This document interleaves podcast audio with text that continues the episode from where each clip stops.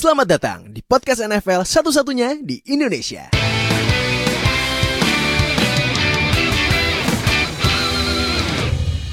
Baik sama gue Fadil, host kalian di Zero Knowledge Podcast. Selamat datang di Week 8 Review. Nah, Oh, gimana tim jagoan kalian? Kalau ya tim jagoan gue mah kayak Chase Sombong. Claypool yang bilang, Oh, Lu sih? iya. never heard of her. Ya! Wah, waduh. Mentang-mentang 8 Ya. Pak. 17. Maklum lah Pak ya, saya ngefans lo. Saya ngefans da- Steelers udah lama pertama kali nih unbeaten sampai 7 match nih Pak. Jadi ya maklumin ya gitu. Nih, gua kalah nih. Oh, iya. Tapi nggak tahu di next week nih lawan Cowboys siapa tahu tuh tiba-tiba zong kan. Nah, Tapi nanti nanti nanti nanti kita review nah. Balik lagi sama Nuha yang kemarin Rams kalah sama Dolphins ya. Iya, kalau Dolphins. Hmm. Tapi emang Dolphins sebenarnya lagi main sih. Nah, sama Oka ya ya yang baik kemarin ya. Iya, kemarin baik. Baik. Nah, 8. nggak tahu deh di week Evaluasi. 9 balik lagi apa enggak. Lagi Nah, evaluasi. yaudah. Eh, Texas lagi evaluasi. Nah, oke. Nah, balik lagi di week 8 review kita langsung mulai aja nggak pakai lama. Ini hasil-hasil match di week 8 ini yang pertama yang ini ya seperti biasa yang tidak ditayangkan di Mola TV ini Packers lawan Vikings yang menang Vikings. Oh, Dalvin Cook Oh. 4 touchdown. Wow. Dalvin Man. Cook 4 touchdown. Ini fakta menariknya adalah eh, tiga pemain ketiga dengan 4 plus touchdown dalam satu match di sejarah Vikings. Wow, ini kayaknya eh, sisanya ini ya. Kedua itunya ada- pasti ada Adrian Peterson ya. Kayaknya. Oke. Nah, terus em, Titans dan Bengals yang menang Bengals. Uh, ini upset nih upset alert sih, upset alert. Burrow. Iya. Banyak banget yang upset alert juga sih. Iya, lumayan soalnya. banyak ya musim ini ya week 8 ya. Banyak. Eh, ini Bengals menang 31-20. Eh, Gio Bernard yang gantiin Joe Mixon yang cedera ini dua scrimmage touchdown menyamai karir high-nya. Terus Raiders ngalahin Browns 16-6. Ini eh, Raiders kebobolan 6 poin ini poin kebobolan terkecil sejak week 15 tahun 2012. Wow, Dan congrats. uh, uh, satu faktor lagi, ini Hmm. adalah pertama kalinya Raiders gak kebobolan touchdown sejak 2015 kalau nggak salah waktu itu gue pernah uh, lihat. Wow. Jadi buat Chef Juna sebagai uh, public figure yang ngefans sama Raiders. Wow. Dan ini poetik juga sih karena ini udah musim gugur.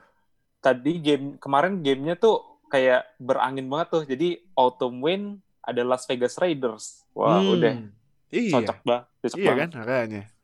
Next, Colts lawan Lions yang menang Colts 41-21. Nih Lions kalah 7 game beruntun di kandang. Ini uh, streak yang uh, streak streak aktif yang paling paling lama nih sekarang.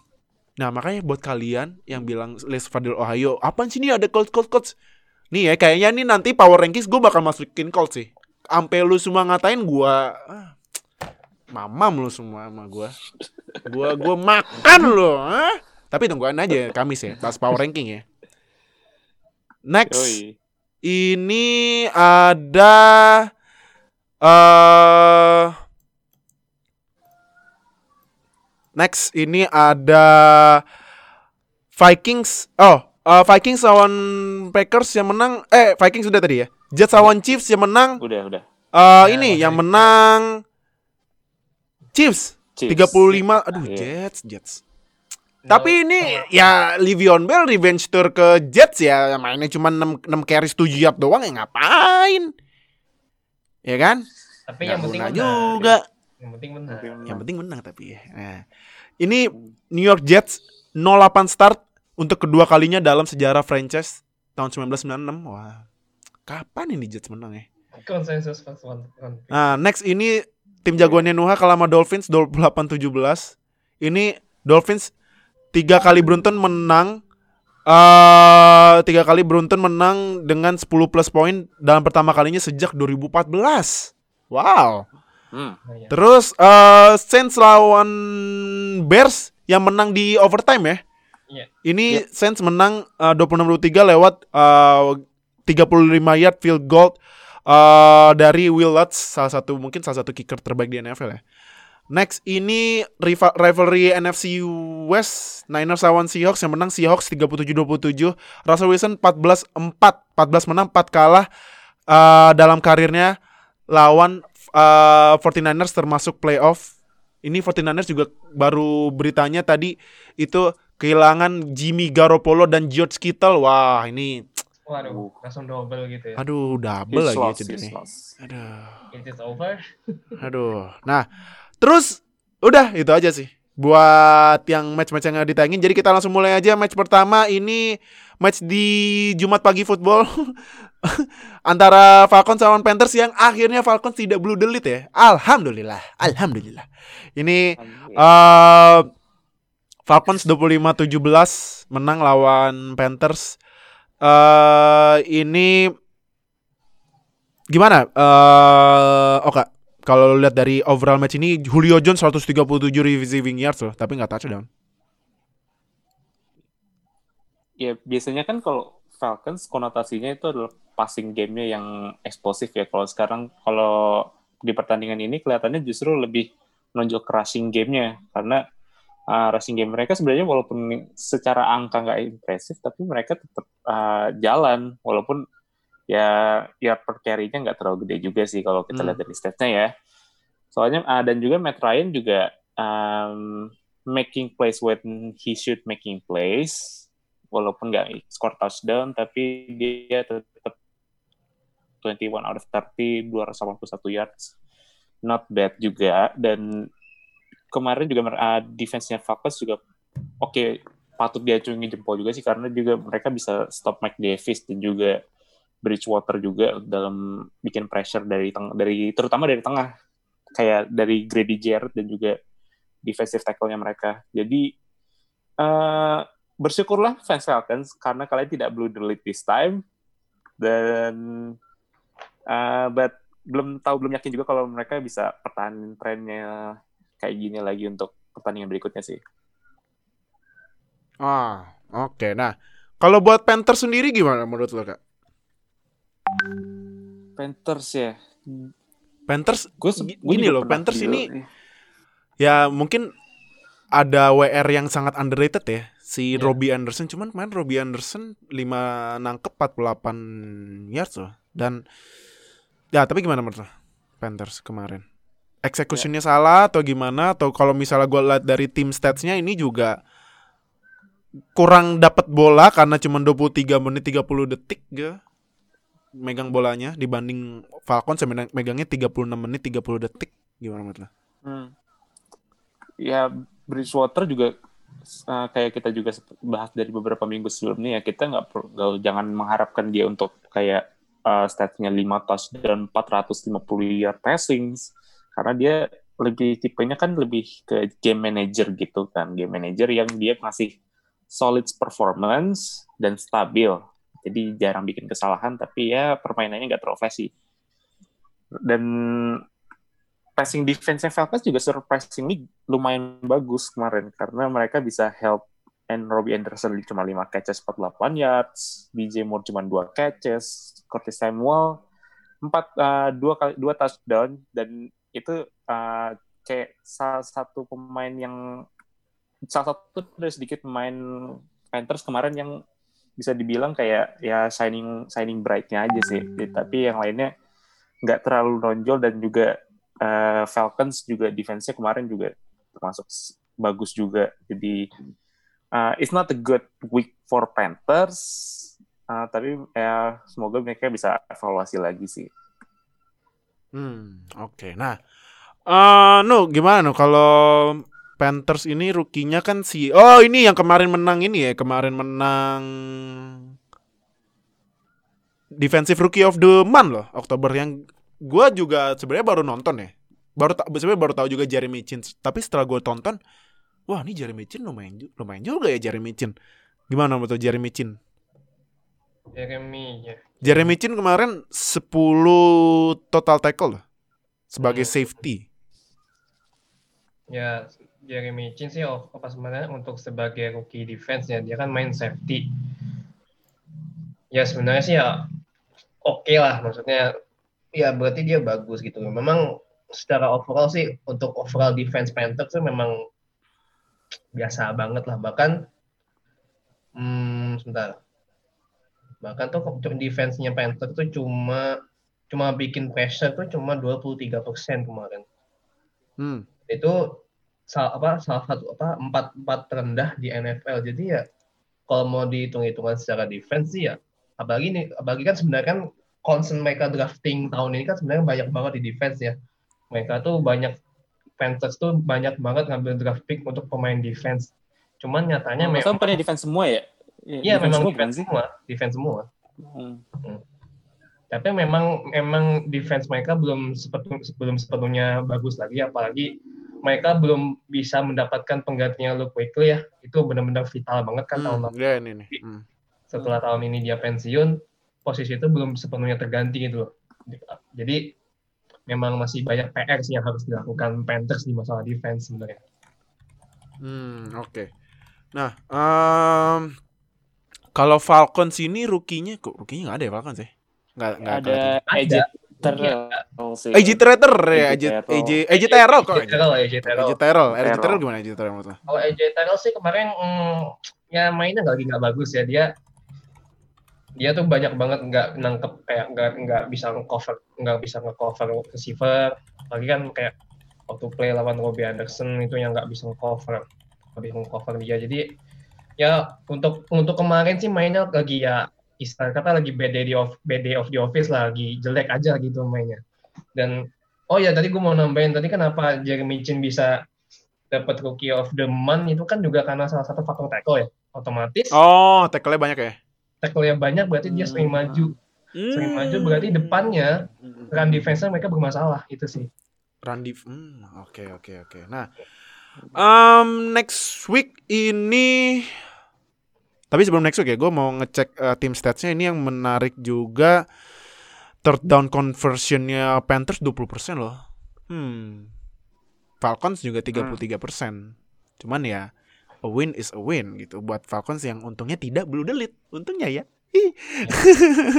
Jadi uh, next. gue mau nambahin sebentar deh Ya. terkait dengan Falcons offense ya. jadi kan tadi kan Oka bilang ya di game ini tuh running game mereka kan kayaknya statsnya tuh kayak nggak terlalu bagus atau kayak biasa aja cuman kalau mau misalnya lebih detail dengan stats sedikit Todd Gurley itu kalau nggak salah dia udah 7 rushing touchdown atau 8 gitu Oh iya Ted Gurley iya iya. Iya. Te- lo- eh, kalau nggak salah highest. Eh kalau nggak iya. sekarang nggak highest sih karena Dalvin Cook ya. Eh, kalau nggak salah sih kemarin let the league, tapi kayaknya nggak, gue nggak tahu itu sebelum Devin Cook-nya main atau enggak. Nih kalau gua cek, oh kalau gua cek di rushing touchdown iya Dalvin Cook sekarang yang memimpin. Dalvin Cook sekarang memimpin rushing touchdown dengan 10 ke- setelah yang kemarin itu 4 touchdown. Ya, berarti memang sebelum Dalvin Cook ini mengambil tahta rushing rushing ini ya, rushing rushingnya, Todd Gurley sebenarnya mainnya ya so far oke lah. Apalagi kan ditambah yang minggu lalu yang tidak sengaja touchdown. Adalah nggak bawa touchdown. Inovasi loh itu inovasi. Inovasi gila sih. Kapan lagi? Kapan lagi kalah karena tidak sengaja bikin touchdown. Wow. Gak, gagal paham gue lama. Nah, Aduh, eh, udah. Next week ini Falcons akan melawan Broncos. Nah, ini Broncos yang menangnya comeback melawan tim yang suka blue delete. Nah, ini ini Broncos juga eh menangnya karena Chargers blue delete.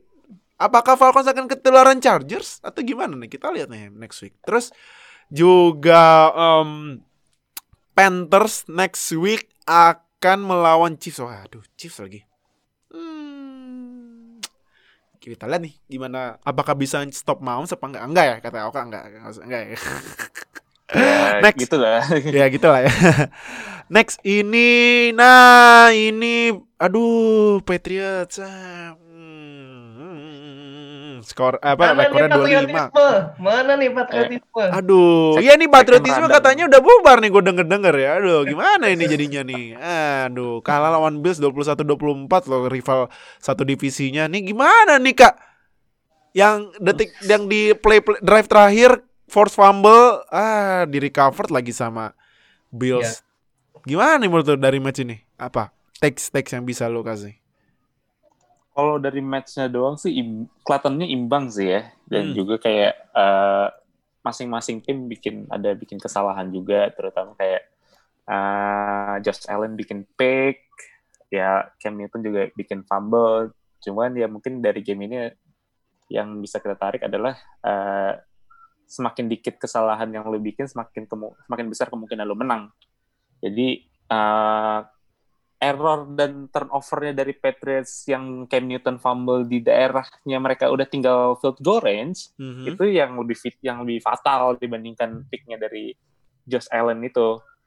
Karena dia udah uh, cuman beda tiga poin kan udah beda tiga poin ya mereka bikin desain run for Cam ya yang biasanya Cam kan juga jarang fumble kalau udah dia running.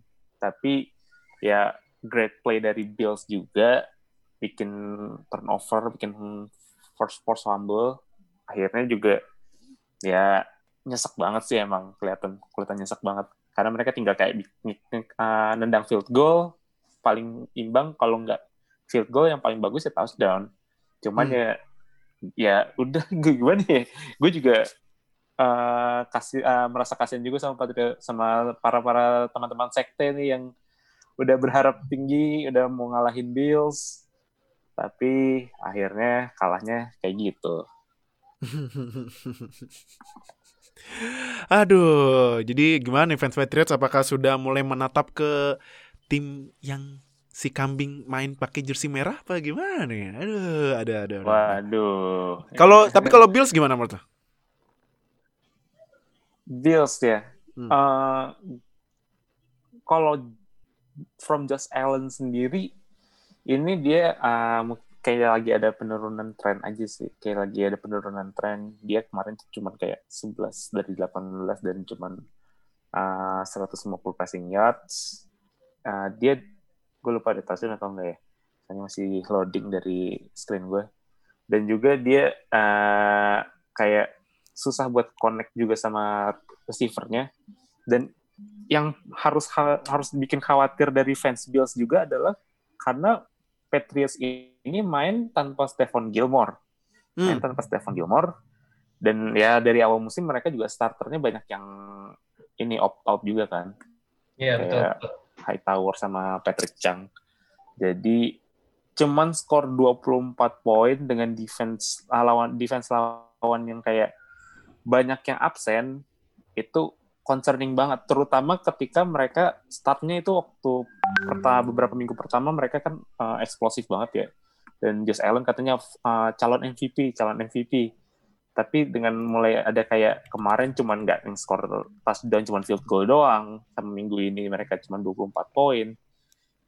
Ada kekhawatiran tapi ya uh, maybe mungkin mereka perlu bikin beberapa adjustment sama evaluasi aja sih supaya mereka bisa kayak balik lagi ke performa mereka pas awal musim. Hmm, oke.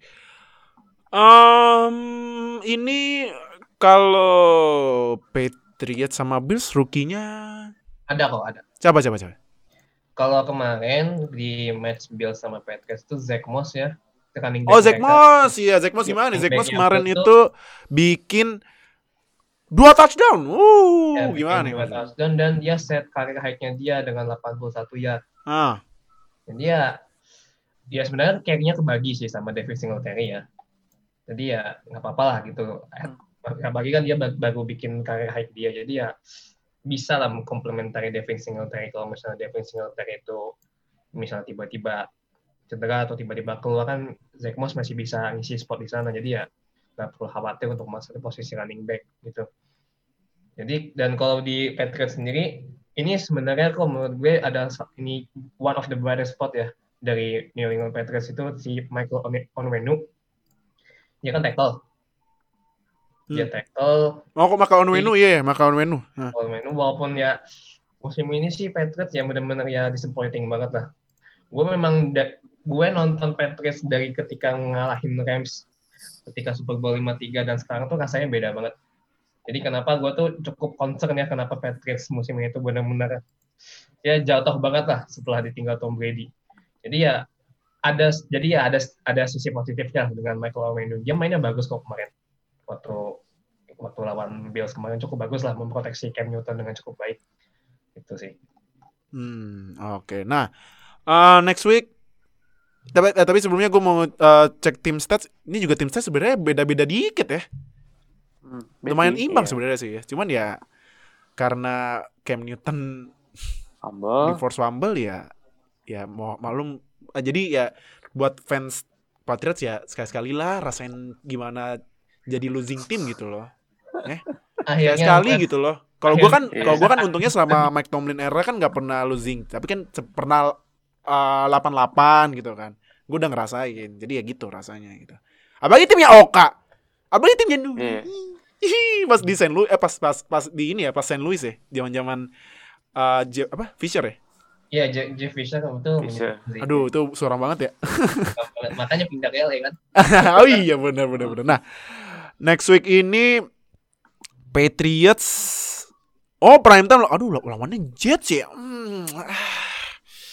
Prime Oh time ini gue mau sedikit ngasih fakta unik deh. Boleh, boleh, boleh, boleh. Jadi kan di negara bagian New York ini kan ada tiga tim nih. New York Jets Hmm. sama Giants sama Buffalo Bills. Nah, the best team di New York sekarang ya Buffalo Bills. Nah, itu. Kalau lu Iya. lu pasti ya kan New York kan kan namanya New York Giants sama New York Jets. Ya, tapi mereka mainnya di New Jersey. Hmm. Yang benar-benar New York itu adalah Buffalo Bills. Buffalo Bill. Itu beneran.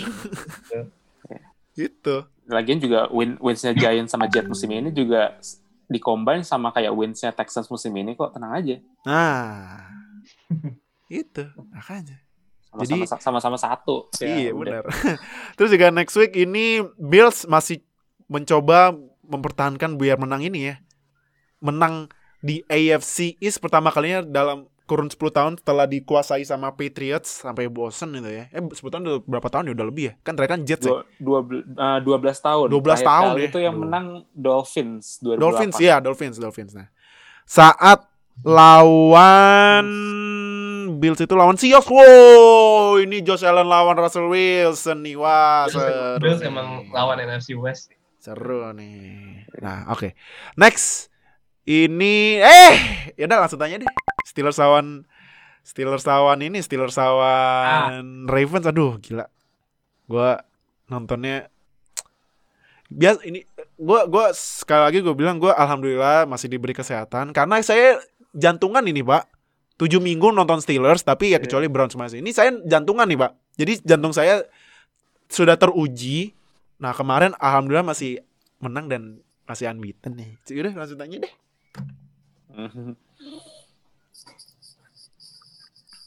Mungkin lu dulu Deno. Kayak Ya, gue dulu kali ya. Jadi gua gua sih ini, gua lagi sebenarnya kalau mau mau ngebahas rookie sih sebenarnya hmm, sebenarnya dua Lagi dari dua sama. belah tim sama-sama bagus ya. Ada J.K. Dobbins juga lagi ba- bagus banget kemarin. Iya, mainnya. J.K. Dobbins lumayan. Devin Duvernay juga lumayan ditarget dua kali terus juga dapat satu pass. Claypool ya lagi bagus lagi dapat apa catching lima catching lima pass. Patrick Quinn ya seperti biasa lah keren mainnya. Tapi yang gua mau mau sedikit tanya sini gua masih agak concern sama Ben sih. Ben Roethlisberger. Hmm. Jadi di di yang gua tonton di second half Ben ini memang completion-nya bagus. Maksudnya jarang sekali drop pass. Hmm. Jadi dia bermain dengan short pass, main pass dan, quick pass. Kalau menurut lo, Dil, apakah seharus apakah dengan menurunnya ability Ben Roethlisberger yang hanya sekarang bermain quick pass dan short pass, apakah na- nanti ke depannya bakal masih bisa reliable lagi si Ben Roethlisberger? Ah, oke. Eh ini sebenarnya ngefek dari cedera elbownya sih. Ngefek ini. Karena juga pas di match itu, pas Ben di di tackle itu sempat dicek itu elbow yang cedera kemarin dan untungnya nggak apa-apa. Nah, kalau menurut gua iya Big Ben mulai Big Ben nggak kayak prime Big Ben zaman-zaman dia bikin ini ya yang sama Dead Clown AB itu ya. nah, Cuman gini loh, kalau gua gua perhatiin sekarang ini Big Ben kayak gue bilang di minggu kemarin ya. Big Ben ini udahlah cari WR siapa WR yang open lempar atau enggak paling juga ya kalaupun lempar juga ujung-ujungnya ke Juju. Walaupun juga Juju ini suka maksa dia. Suka Hmm. maksa buat eh lempar ke Juju. Cuman jujur kan ya memang Ju- Juju itu memang tipikal receiver yang racknya lumayan tinggi ya, receive receive after catch-nya ya.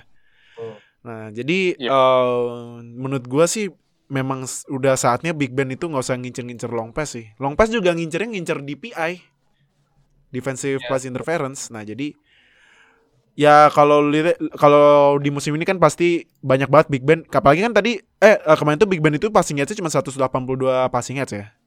Hmm.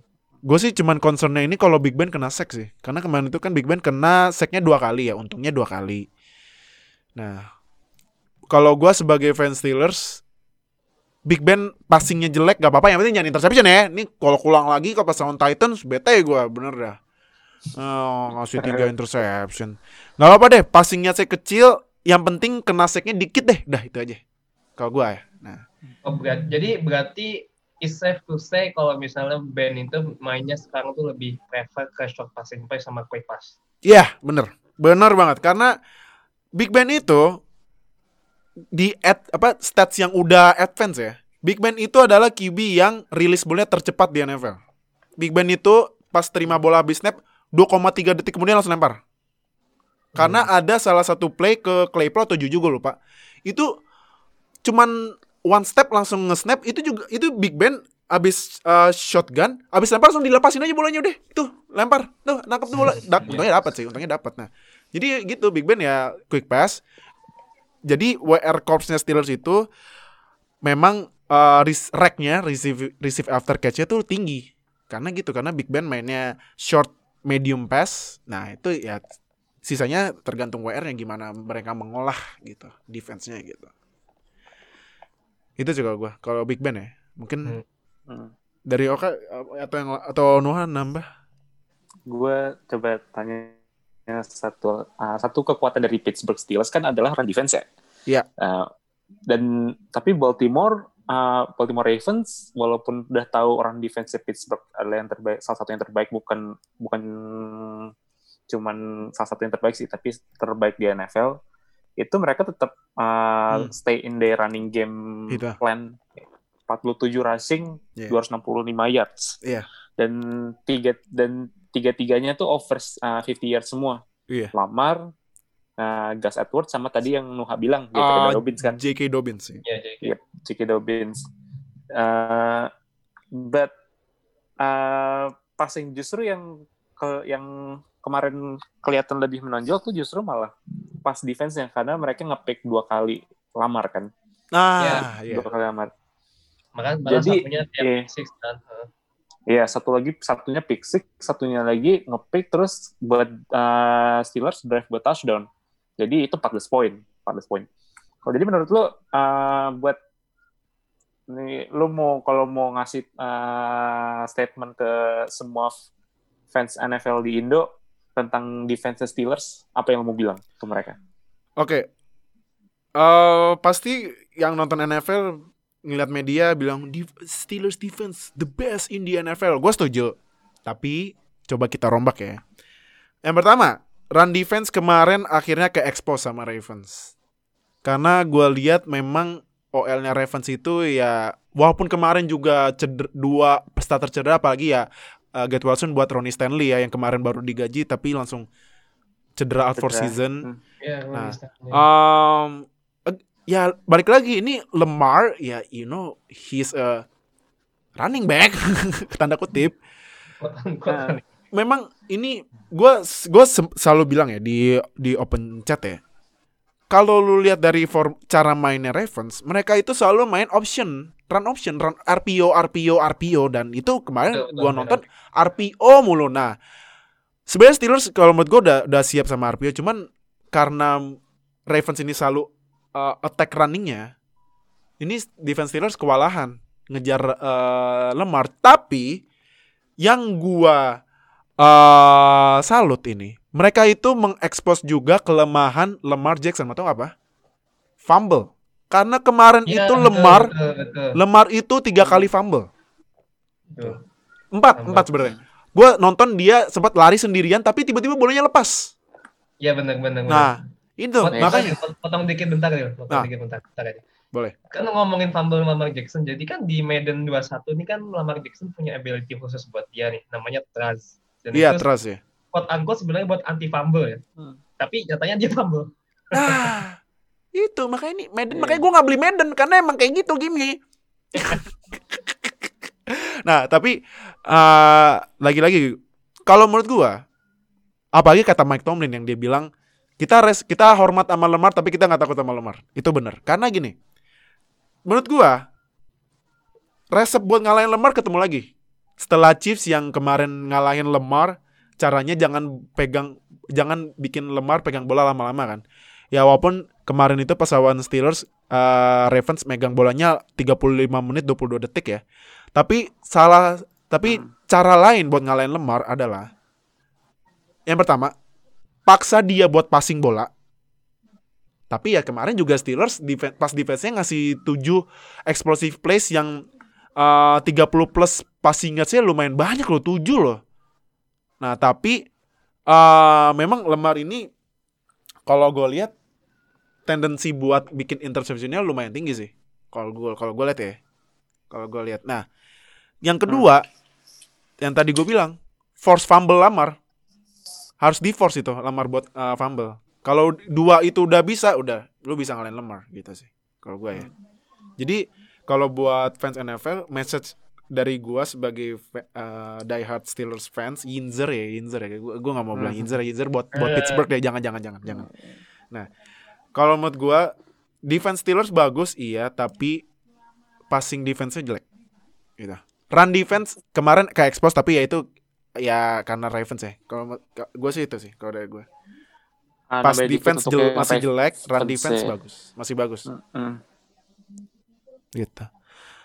Nah, eh mungkin Hmm. kalau terakhir gue kasih kredit kasih kredit sekali ini sih buat eh, replacementnya Devin Bush si Robert Spillan yang kemarin pas opening drive langsung bikin pick six loh. Ya, Keren nih emang dia. Terus Hmm, dia juga hmm. kemarin 11 total tackle sama satu tackle for loss. Jadi eh, kalau misalnya dia dapat defensive uh, AFC Defensive Player of the Week 8 ya gue nggak kaget sih. Kalau misalnya nggak dapat juga nggak apa-apa gitu. Jadi di- menurut gue di uh, defense Steelers ini lumayan banyak yang unsung heroes juga kan. Kan pasti kan yang kena expose itu kan pasti Cameron Hayward, Minka Fitzpatrick, TJ Ward, eh TJ Ward, TJ Ward lagi, TJ Watt.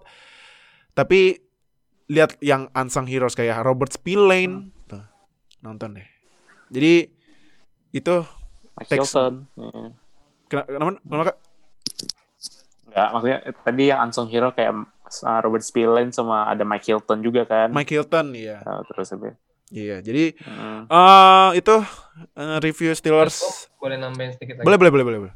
Jadi kan tadi kan gue ngomong ya, kenapa band itu jadi lebih untuk bukan lebih jadi untuk match kali ini dia lebih sering ber- di apa half half half kedua itu lebih bermain short pass. Sebenarnya ini juga untuk mengantisipasi dari high blitz high, apa high blitznya dari Ravens. Hmm. Kan Ravens memang di match nggak hanya match kemarin sih, memang sepanjang season ini memang mereka tuh bermain dengan blitz yang cukup sering. Jadi kalau jadi menurut gue sih ini strategi juga menurut gue strategi ya. Jadi biar Ben itu tidak terlalu tidak terlalu lama holding bola, jadi dia mainnya cepat. Itu sih kalau menurut gue ya. Hmm. Dan sudah nambahin sedikit juga, tapi untuk yang Ravens, ini juga Ravens udah walaupun udah out passing Steelers, terus outrun Steelers, sama out process Steelers, tapi juga mereka tetap eh, kalah itu juga salah satu ini ya, dan itu kayaknya salah satu yang pertama dalam sejarah kalau nggak salah waktu itu gue baca. Jadi eh, Steelers always found way to win, but it not always pretty aja. Hmm. Oke. Ya, gitu sih gua next week ini Steelers lawan Cowboys ya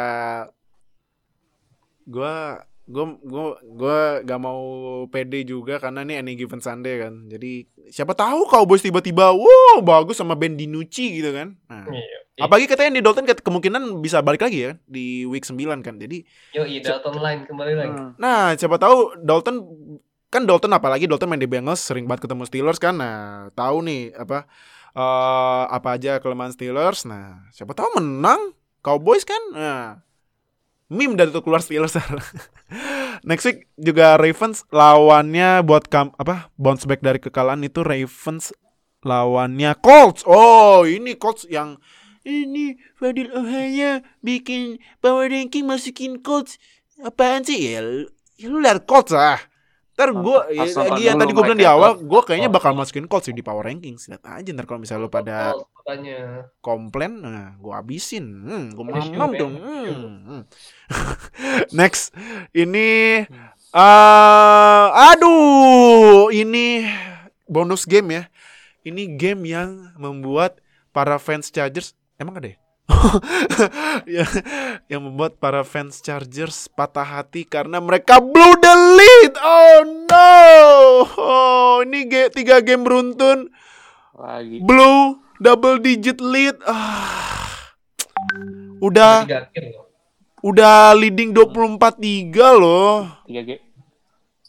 masa masih kalah sama Broncos udah gitu kal- kalah terakhir-terakhir si Drew Lock joget-joget lagi joget-joget yang aduh ya itulah ini kenapa Chargers ini kayaknya kalau misalnya Chargers sama Falcons dibikin blue the lead ball itu bingung siapa yang menang deh Enggak ada yang kayak ibaratnya you get the win, you you just Masih you win, you win, no no you you you Nggak you you win the match, no you gitu loh, rebut-rebutan itu. Todd Gurley nggak mau touchdown. Gak mau touchdown kayaknya.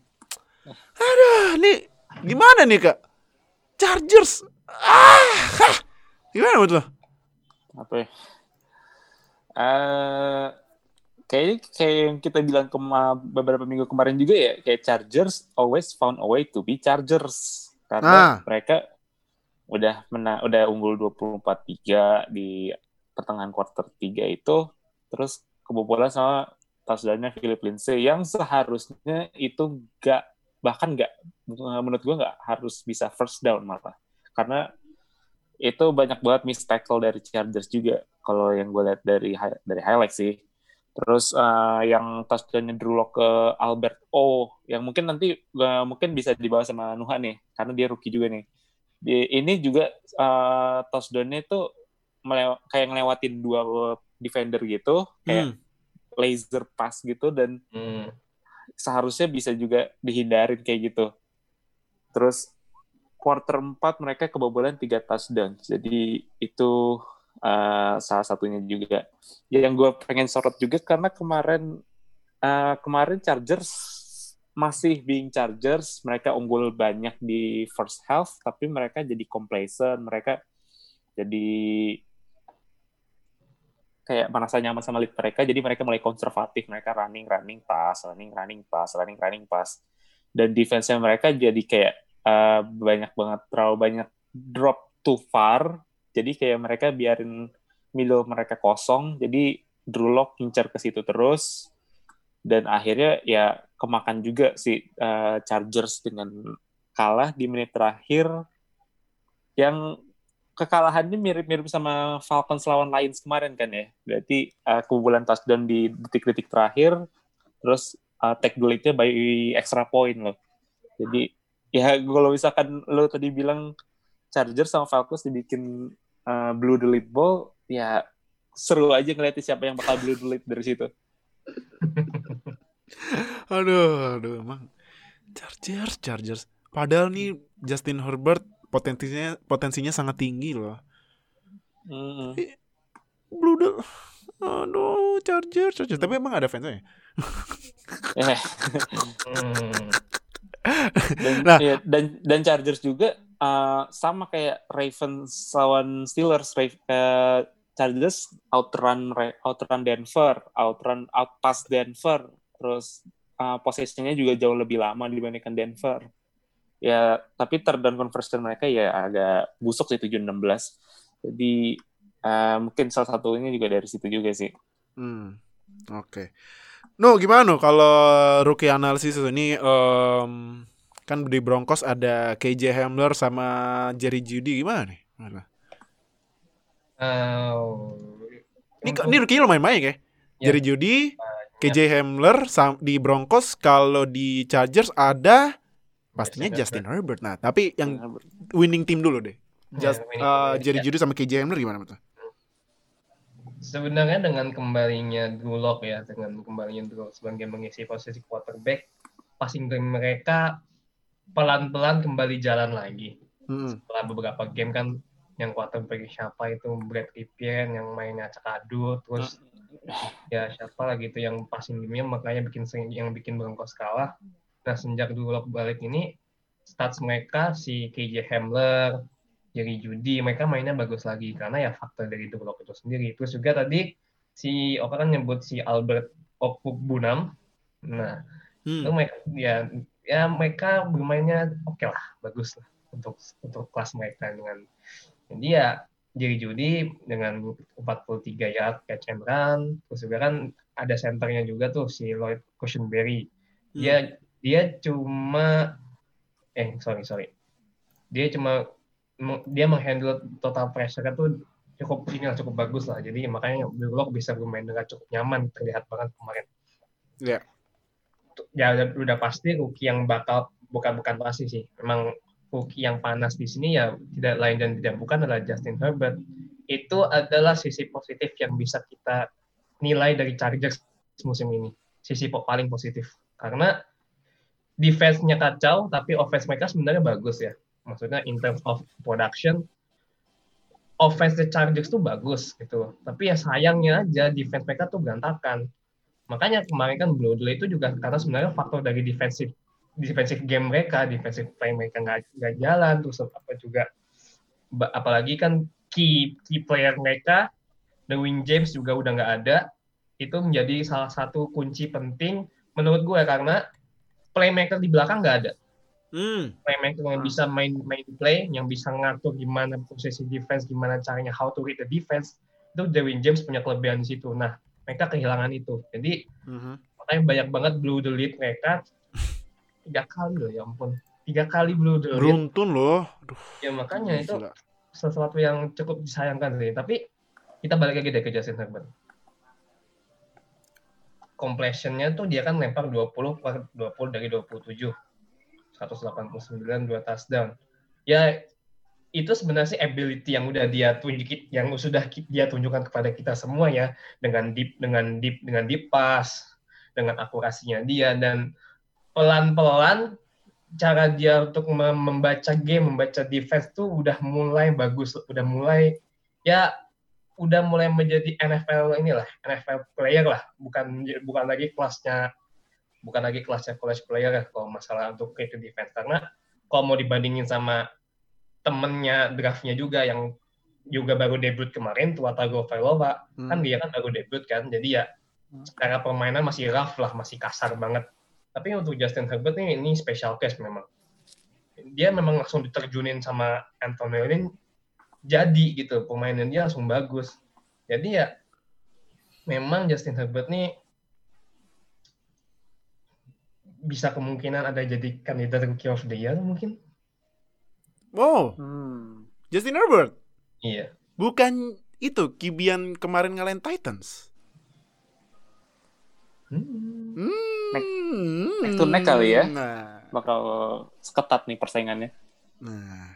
Jadi eh itu eh review di Chargers lawan Broncos next week Chargers akan lawan Raiders berarti NFC eh AFC West rivalry ya. Nah, terus Broncos ke, tadi ya lawan Falcons. Nah, nih gimana nih kalau misalnya Falcons blue delete lagi Broncos enak banget ya menangnya blue delete dua kali ya. Beruntung lagi. Next. Ini aduh pertandingan yang sangat painful to watch ya. Gua aja nonton Aduh, nih match apa ya? Kenapa NFL menaruh match ini di prime time? Udah tahu dua tim ini di divisi terancur di NFL, tapi ditaruh di prime time. Ah, ini Eagles lawan Cowboys 23-9. Gua aja nonton match ini kayak ini siapa yang mau menang sih gitu. Ah, tapi ternyata ya Eagles yang menang dan sekarang memimpin NFC East dengan rekor yang masih losing. Nih, berarti Nah. Eagles kalau misalnya menang ini pertama kalinya NFC East eh enggak pertama kali sih pas first week kan pasti ada yang di atas 500 ya. Ini berarti NFC East akhirnya kalau misalnya menang ya Eagles ya, akhirnya di atas 500 karena 441 ada modal satu seri. ah, gimana nih? Kayaknya Aduh, gitu, kalau kayaknya nonton gitu lu nonton gimana? Lu pengen mual gak nih nonton match ini? Eh, gue pinjem kata-kata aja dari Fadil Ohio waktu kemarin-kemarin yang dia nonton Broncos lawan Jets. Hmm? Gue nonton pertandingan ini tuh langsung sakit mata gue. oh iya, Apa? sebelumnya sorry di opening gue lupa ngomong, sorry uh, Fadiloya nggak bisa datang karena ya sedih melihat Bengals kalah eh uh, Browns kalah lawan Raiders. Eh, tapi lanjut Iya. lanjut lanjut. lanjut, lanjut. Kayak eh apa ya? Kayak Carson Wentz ini mulai jadi kayak ke Eli Manning Eli Manningan loh. Jadi kayak Oh. mereka dia kuart- tiga quarter dia bisa hancur banget mainnya tapi in, in, uh, the moment when it matters dia bisa bikin play dan jadi balik lagi ke zaman MVP lagi. Ah, gue coba lihat statsnya dulu. Ah, waduh, Pak, ya Allah. Uh, Cowboys 4 dari 16 third down conversionnya 25% berarti itu. Terus mereka tetap uh, fourth down conversionnya dua dari yang satu dua dari empat, yang satu nol dari tiga, nol Hmm. dari tiga itu uh, Eagles. Uh, Wentz dan quarterbacknya Cowboys ini starternya yang gue juga baru denger namanya itu pas uh, diumumin Dalton cedera. Ya siapa itu Bendy Nucci ya. Ya, Ben, Ben namanya keren nih Ben Dinucci, Ben Digucci. Eh. Eh, eh. eh nggak tahu dari mana. Dua-duanya uh, punya QBR di area 60 60 dan mengejutkannya lagi justru Carson Wentz yang lebih rendah rate-nya dibandingkan start string quarterback dari Cowboys. Ben DiNucci 64,6, Carson Wentz 61,2. Masya Allah. Eh, apa ya? Gue gue gue mencoba cari sisi positifnya dari pertandingan ini sih. Kayak Iya. Gue tuh nonton Offen- juga. Why? eh, Pertanyaan, pertanyaan gue iya. cuman why? Kenapa? offense-nya nggak jalan. Offense-nya Cowboys benar-benar nggak jalan sama sekali. Kayak mereka kesulitan buat masuk red masuk red zone aja ke- uh, kayak sulit banget. Dia mereka cuma bisa tiga kali field goal buat scoring. Dan gue juga menemukan fakta menarik bahwa uh, Dak Prescott di fourth quarter dia sebelum cedera, uh, gue lupa match berapa sebelumnya sebelum lawan Giants itu dia nyetak skor poin lebih banyak dibandingkan Cowboys di tiga pertandingan terakhir. Ah. Nah, itu. Ah. ya fans Cowboy langsung kayak aduh tanking aja kali ya mungkin buat ngambil Trevor atau mungkin buat dapet pick gede buat uh, draft main bagus ya sebenarnya nggak salah juga kalau mikirnya kayak gitu. Dan mereka uh, Eagles juga menangnya menang menang gitu menang gitu sih. Kayak mereka fum, uh, force fumble sama Ben DiNucci ini terus di return yang kat, yang masih kayak sempat debatable juga sih katanya udah down by contact udah di udah jatuh udah harusnya play dead apa uh, time-nya udah berhenti. Cuman di return sama Eagles akhirnya touchdown. Ya menangnya menangnya gitu lagi. Gue juga sebenarnya gue jujur aja gue waktu pertama uh, waktu nonton itu gue habis sebelum quarter 4 gue udah turn off the TV sih. Jadi gue gak nonton quarter 4 nya gue quarter 4 cuma nonton highlights doang. Ya udah. Jadi 9 terus lihat skornya 9 dari 23 oh Hmm. kita uh, touchdown ya udahlah ya kayak gitu jadi ya divisi divisi NFC East ini juga it's so bad that it's uh, that it's good loh. Jadi kayak saking buruknya tempat-tempatnya, jadi kayak menghibur aja tuh siapa yang bakal masuk playoff. Hmm. Tapi gimana sih? Kayaknya sih NFL harus ngerevisi sistem playoff ya. Cuman ya kayaknya unfair juga ya kan, kan karena kan udah dibagi divisi masa yang juara nggak nggak masuk nggak masuk playoff gitu ya. Mungkin lebih kalau mau revisi sistem playoff kayak eh, mau kalau misalkan divisi leadernya itu rekornya di bawah main tim-tim yang mungkin di peringkat dua peringkat tiga divisi lain itu tapi masih masih masuk playoff itu eh, mending dijadiin seven seed aja gitu Hmm. Kalau enggak gini, gue ada ini sih, ada Oh, gimana ide lo buat playoff? Jadi mending ada kan kalau misalnya secara geografis ya NFC East tuh nggak East banget lah. Maksudnya kok Dallas tiba-tiba ada Dallas, padahal Dallas itu kan di bagian South South apa Mid South gitu kan. Nah kalau mau kalau ini ide gue sih mending Dallas itu dipindah divisi aja. Iya, terus kan. Dallas sama tiga tim lain WFT, Philadelphia, eh Philadelphia sama New York kan jauh banget ya. Iya jauh. Mending tukeran tuh sama NFC South. Iya kan? Iya, Iya, Tukar nah, sama Falcons paling. Iya. Falcons. iya, Falcons. Deketan Falcons malah. Ah iya deketan Falcons. Cuman Falcons ke NFC East juga gimana ntar nih Blue Delete masuk ke divisi terancur gimana? Saya bingung. Tapi kalau mau hitung-hitungan rekor sih masih mendingan Falcons ya. Ya Iya. iya sih, iya sih. But still, it's the Blue Delete team. Walaupun kemarin menangnya nggak Blue Delete juga. Bingung kan? Nah, eh no gimana no kalau rookie SWAT Jalen Rager yang ah cuma enam kali di, ah, Jalen Rager ini Gue pengen touchdown sih, cuman gimana tuh Jalen Rager? Ini kayaknya ke overshadowed karena Travis Fulgham juga ya. Iya betul kebagi apa split kayak split inilah sama Travis Fulgham tapi ya Jalen Rager sih so far sih kalau menurut gue tuh belum menjawab dari apa yang menjadi concernnya Eagles ya. Memang secara memang kalau masalah posisi memang Jalen Rager sudah menjawab maksudnya dengan availability-nya dia gitu dengan kehadiran Jalen Rager di Eagles tuh sudah istilahnya sudah menambah kekuatan weapon dari wide receiver. Cuman kan secara overall kan offense Eagles ini kan masih ya gitulah. Gue nggak nggak punya kata untuk mendeskripsikan gimana sih offense Eagles sampai bingung gue.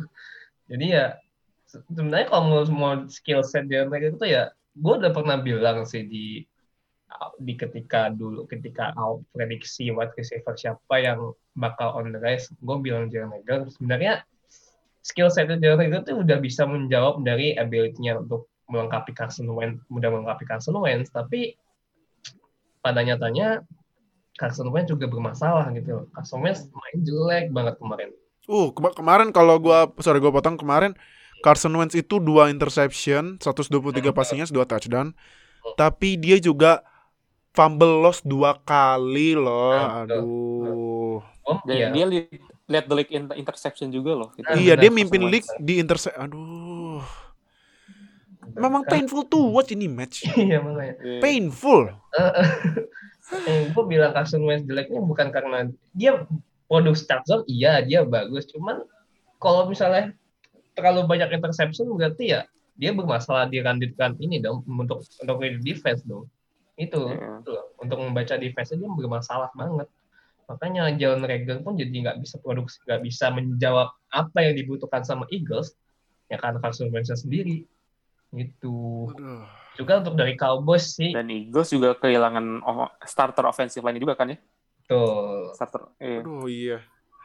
ya ini ya jadi tahun ini sih Eagles kembali membuka rumah sakit ya. Jadi rumah sakit cabang Philadelphia tuh mulai terbuka lagi di di dekat Lincoln Financial Field tuh rumah sakit ada tuh. Itu isinya tuh pemain-pemain Eagles semua tuh situ Sama for- sama 49ers ya. untuk Cowboys rookie rookie Cowboys sebenarnya yang masuk ke mata gue sih si ini ya Trevon Diggs ya. Itu Oh, yang kemarin bikin ini dua interception ya. Kalau menurut gue bukan interception itu malah Apa itu tuh? Carson Wentz melempar bola touchdown buat Cowboys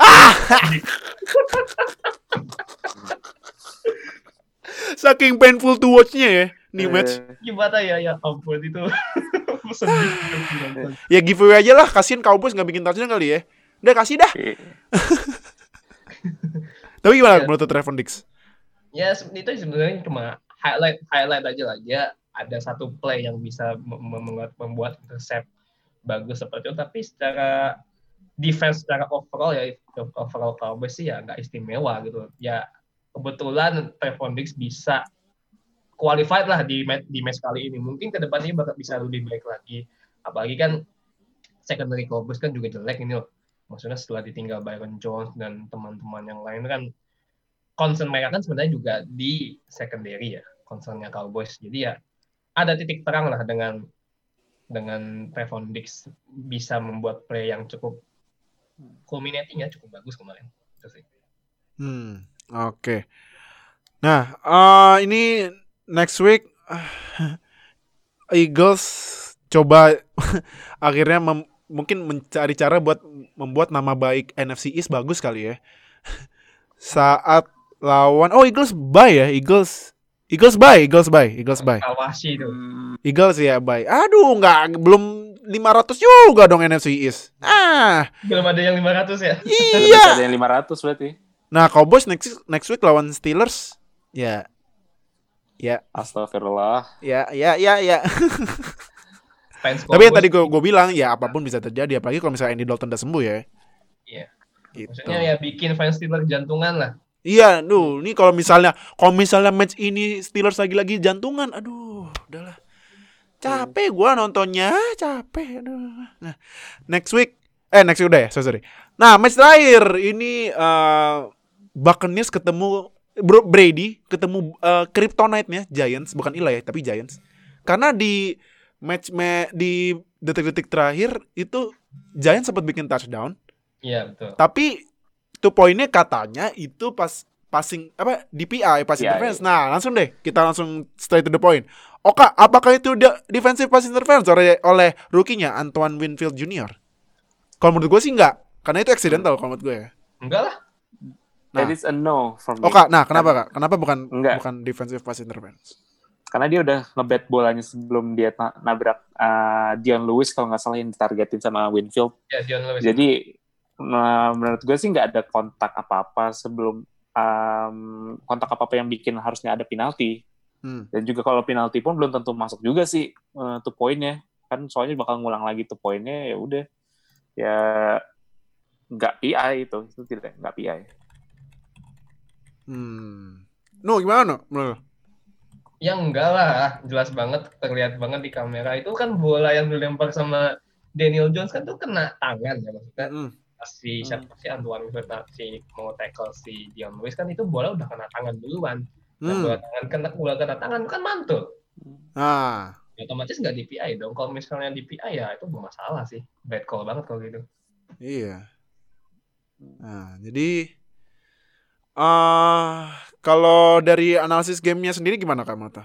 Nih Tom Brady yang first half ngamuk-ngamuk kan kesel dia Iya. sampai banting helm. Nah, gimana Mata? Analisis keseluruhan game dan untungnya juga kasih ke Gronkowski ya. Gronkowski katanya udah tiga straight game bikin touchdown loh. Hmm. Nah, gimana? Jadi ya kalau itu koneksinya emang udah kebentuk Ya, dari zaman masih ya. di Patriots lah itu ya. Mm. Tapi eh, kudos juga buat defense Giants, terutama gue pengen kudosnya ke secondary-nya mereka kayak Ber- ah, James Bradbury, Jabril Peppers, terus eh, Jadi sat- bener. ya mereka bisa limit the big play. Buccaneers jadi eh, udah third down tapi mereka susah untuk convertnya itu karena ya coverage dari uh, defense Giant bagus banget. Dan Buccaneers defense juga eh, mungkin mereka kayak eh, udah mulai ditemuin formulanya sama tim-tim lawan sih. Jadi mereka kan sama mirip kayak Steelers high blitz team terus linebacker juga uh, coverage bagus kayak in terms of like areanya mereka. Jadi mereka mainnya short pass short pass. Terus mereka ngandelin uh, yak-nya dari receivernya Giants juga kayak uh, terus kayak Shepard kayak Ingram kayak uh, Slayton. Slayton uh, sebenarnya ada beberapa kesempatan dia gagal buat convert down dan juga big play juga dari Giants. Jadi itu juga salah satunya. Skornya itu di luar dugaan kita mungkin ya karena mereka kan first half uh, 6 dari 6 14 kalau nggak salah. 6 14 uh, in first half uh, bakal Brady nggak bisa masuk ke nggak bisa skor touchdown sampai banting-banting helm ya yang tadi. Iya. itu dia. Uh, jadi uh, tapi mulai mereka mulai nyetel juga Buccaneers di fourth second half terutama di dua touchdown sama eh tiga loh tiga eh dua atau tiga ya dua sorry dua dari Hmm. Brady ke em, ke Gronk sama Mike Evans ya Evans. kemarin Mike Evans so in all in conclusion Giants uh, Giants fan jangan terlalu berkecil hati sih karena mereka bisa compete lawan tim yang di- digadang-gadang bisa masuk Super Bowl in Tampa Bay Buccaneers. Giants sudah punya defense, benerin offense-nya di off season, terutama di online Gua dan juga setuju. ya di online dan juga mungkin mereka ada niatan untuk draft QB mungkin ya siapa tahu kalau misalkan picknya tinggi Hmm. Iya. So harus ada yang di figure out di offense sih memang. Hmm, oke oke oke oke. No gimana menurut lo? Kalau eh, rookie Swatch dari Buccaneers Antoine Winfield Junior ini nih yang katanya salah satu safety eh, defense rookie terbaik ya salah satu salah satu sih. Hmm, kalau rookie ya, hmm. Ya kalau Antoine Winfield sih tadi udah kita sebut ya, dia kan membuat satu play yang game changing lah. Jadi ya potensial game tying itu point conversion-nya Giants tuh dibatalin sama dia. Ya itu sebenarnya one of his smart play gitu. Jadi ya sebenarnya itu nggak perlu dibicarakan lebih banyak karena memang mainnya bagus. Terus juga kan Andrew Thomas, and Andrew Thomas sama Tristan Wirfs ini dua OL yang di draft di awal, mereka main cukup bagus ya. Apalagi Tristan Wirfs dan juga Andrew Thomas nih cukup memproteksi Daniel Jones ternyata di sisi kiri. Hmm. Gue gua tuh melihat secara, gue belum ini ya, belum terlalu melihat statsnya atau advance statsnya si Andrew Thomas, tapi kalau dari, game kemarin sih nggak terlalu banyak pressure ya yang dibuat dari yang dibuat dari arahnya sebelah kiri. Jadi ya ada improvement lah sebenarnya, ada improvement dari si Andrew Thomas. Tapi untuk secara overall, secara game sih, ya gue jujur aja sih gue sempat agak ngantuk, jujur agak ngantuk karena gue tuh nggak berharap kalau misalnya Giants tuh bakal bakal leading di first half. Hmm. Karena ya gue berekspektasi so- si Buccaneers ini bakal blue, ya bakal blue delete lah. bukan maksudnya bukan blue delete sini ya bakal menguasai game gitu. Tapi ternyata Giants bisa ngasih perlawanan yang cukup bagus sebenarnya dan sebenarnya kok Giants ini secara play ya itu oke, maksudnya nggak jelek-jelek amat untuk offense, tapi memang concern kita ba- ba- banyak banget kayaknya ya fans NFL atau mungkin fans Giants sendiri tuh masih masih kayak mungkin kehilangan kesabaran sama Daniel Jones Hmm. karena di play secara play sih nggak maksudnya ya nggak istimewa istimewa banget dan nggak jelek-jelek amat di game kali ini cuman kayaknya read defense dia dan terlalu banyak bikin interception itu yang bi- mungkin bikin fans Giants itu kayak kehilangan kesabaran dan jengah ngeliat tingkah tingkahnya Daniel Jones gitu Mhm. kayak tadi kan si Oka bilang kayaknya bakal drafting quarterback sebenarnya itu menurut gue 50-50 sih sebenarnya Hmm. kalau mau masih mau percaya sama Daniel Jones tuh masih bisa cuman kan concern dari fans Giants ini karena Daniel Jones itu too much production of in- interception terlalu banyak interception yang dia buat gitu Hmm. Hmm. jadi gitu sih kalau menurut gue ya untuk match kali ini. Sama oh ya, entar gue mau kasih ini juga. ini ya ke defense-nya Buccaneers ya. Memang defense Buccaneers nih apalagi gue gue sangat ini ya sangat mengapresiasi dari secondary-nya secondary-nya Buccaneers. Jadi tahun lalu kan banyak yang bilang secondary-nya Buccaneers itu termasuk yang man of the worst gitu. Terlalu, terlalu banyak kasih play defense play, play defense pass defense yang terlalu bagus dan caur tapi nyatanya tahun ini mereka bagus gitu Hmm. ya nyatanya dengan mereka bikin dua interception dari secondary mereka Iya. Dan ini juga kemarin si Oka sempat prediksiin Carlton Davis bikin apa bakal bagus. Carlton Davis kemarin bikin interception. Sekarang Carlton Davis itu statsnya dia bikin eh, ini nih kemarin sekarang tuh total Carlton Davis lumayan loh total interceptionnya.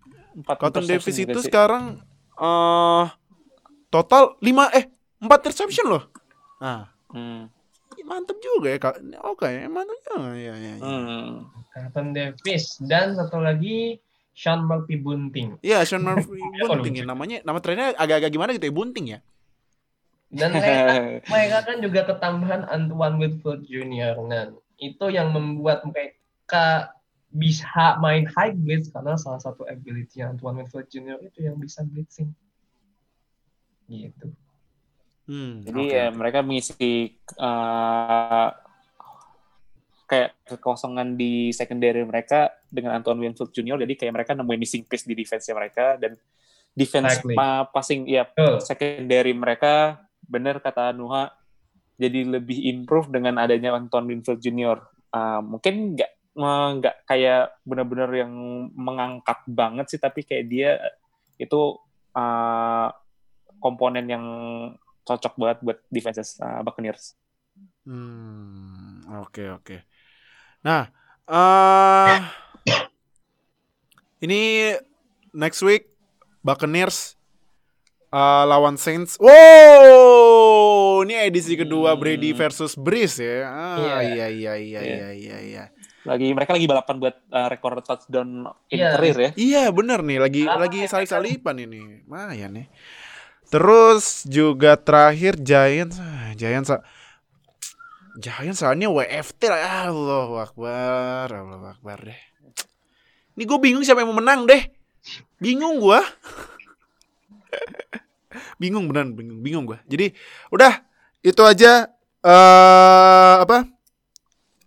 podcast kita hari ini. Nah, terakhir gua mau kasih kasih tahu ke kalian. Maaf ya kalau misalnya gua nggak kasih lihat eh, playoff picture-nya karena memang gini podcast lumayan kejar tayang ya. jadi harus cepet-cepet. Nah, jadi playoff picture-nya karena ini udah week 8 berarti kita udah di pertengahan musim ya. Cepet Iya, banget ya udah pertengahan musim aja ya.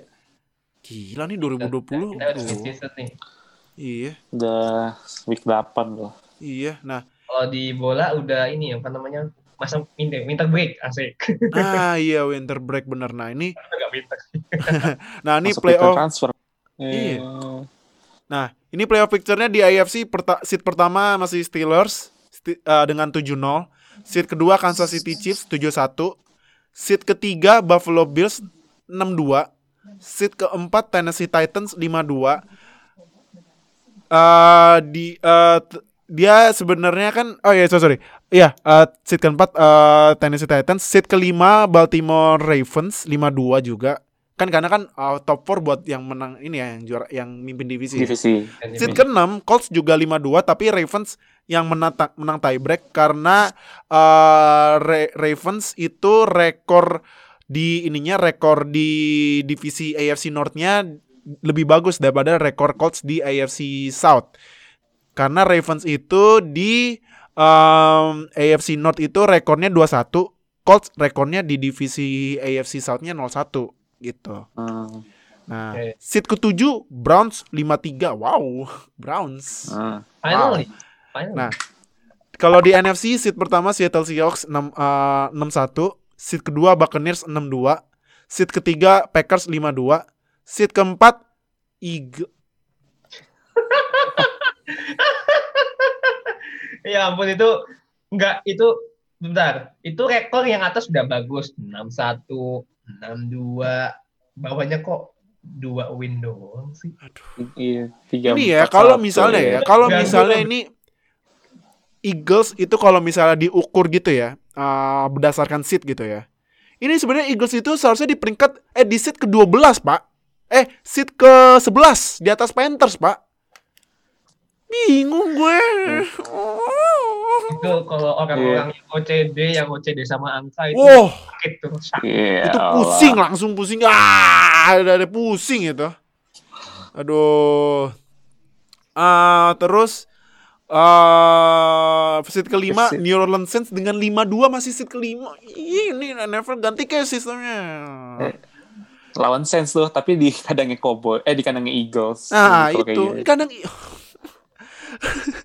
seat ke-6 Cardinals 5-2 sama kayak Saints tapi eh Saints ini menang tiebreak karena punya eh, rekor konf- eh, conference lebih bagus Divisinya. karena di NFC South itu Saints itu rekornya 2-0 masih unbeaten di divisinya. Kalau ini kalau Cardinals. Cardinals itu rekornya di NFC West dia juga 2-0 sebenarnya. Tapi eh conference-nya lebih bagus. Eh, sorry, sorry. Eh ko- conference-nya lebih bagus Saints 4-1 kalau Cardinals 4-2 gitu. Nah, terus eh set ketujuh terakhir itu di NFC di NFC itu Los Angeles Rams 5-3. Dia menang tie break lawan Bears karena ini ya kemarin menang kan Rams lawan Bears kan. Iya. Jadi menang head to head gitu. Jadi itu seat playoffnya. Nah, gimana nih tim jagoan lo? Apakah masuk playoff? Play, play- masuk playoff picture top 7 atau masih di luar atau atau Eagles? Losing record Hmm. tapi masuk playoff. Asli Eh? nggak ikhlas kalau ada Eagles di situ. Gue juga gak ikhlas. Aduh, atau ya tim lu kayak Oka yang yang di Gak masuk 14. playoff. Gak masuk playoff ya. Gak masuk playoff. Mending nggak masuk, Belum. mending nggak masuk playoff daripada daripada masuk playoff dengan rekor kemenangan cuma empat. Tapi ya, nggak masuk playoff pun juga nggak ada Eh, jadi- buat kita. Iya. Jadi itu eh, podcast eh, week 8 review kita. Thank you banget Nuha udah join. Yo, Thank, you. banget Oka udah join. Gua mewakili Fadil Ohio. Thank you banget buat semuanya. Jangan lupa yang nonton di YouTube subscribe ke Konceng sambil subscribe biar kita upload langsung dapat notifikasi, langsung nonton biar update sama NFL di Indonesia dan jangan lupa like, comment, share video ini. Lalu yang dengan di Spotify tetap stay tune di Zero Knowledge Podcast dan terakhir di bawahnya Nuha sama Oka ada sosial media kita langsung join aja semuanya langsung join. Jadi thank you udah nonton dan udah dengerin see you di episode week 6 eh week 9 review sorry di minggu depan ya. Dadah. Dadah. Terima kasih telah bergabung dengan Zero Knowledge Podcast. Follow kami di Instagram dan Twitter at NFL Fans Indo. Atau bergabung dengan kami di Line Square dengan keyword NFL Fans Indonesia. Sampai jumpa di podcast berikutnya.